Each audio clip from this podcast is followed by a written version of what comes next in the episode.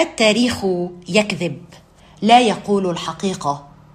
أقصد لا يقول الحقيقة العارية العادلة المحايدة.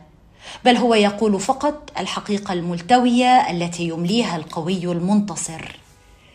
التاريخ في الحروب يكتب رواية الجلاد لا رواية الضحية لأن الجلاد هو صاحب الكلمة الفصل. يحصل الشيء نفسه في الاقتصاد كما في الدين والسياسة والسلطة والحكم. لا أريد أن أعمم في هذه المسألة لكن الوقائع التاريخية على الأرض غالبا ما لا تكون لصالح الحق والعدل. وعندما يروي التاريخ الروايتين رواية القاتل ورواية القتيل فإنما يكون ذلك من باب التعزية المعنوية على طريقة إني أغسل يدي من دم هذا الصديق. لكن دم هذا الصديق يسفح في الواقع والجريمة تترسخ في الواقع وتصبح هي الحقيقة. 28 ألف قتيل في فلسطين خلال أربعة أشهر أكثر من نصفهم أطفال.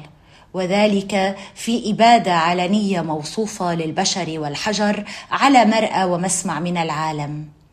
ولكن من يستطيع أن يقول للقاتل عليك أن تتوقف عن هذه المذبحة؟ وإذا سمع أحدهم يقول ذلك فإنما بصوت ضعيف مخنوق متحجرج لا يملك الفاعلية لوضع حد للمقتله وإذا سمع أحدهم يقول ذلك فإنما غالبا يتعرض للقصاص والإقصاء والتعييب والعقاب لكأنه هو من يرتكب الجريمة. من ينصت إلى غوتيريس اليوم وهو الأمين العام لمنظمة الأمم المتحدة التي يفترض أن تكون الحضن الذي يلتجئ إليه القتيل والمظلوم والمستباح حقوقه. لا أحد ينصت إلى هذا الرجل.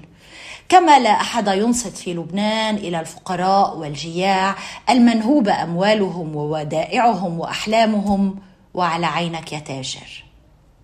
من يملي إرادته في لبنان اليوم سوى صاحب السلاح وصاحب المال ذلك لأن التاريخ رهين في يد القوي.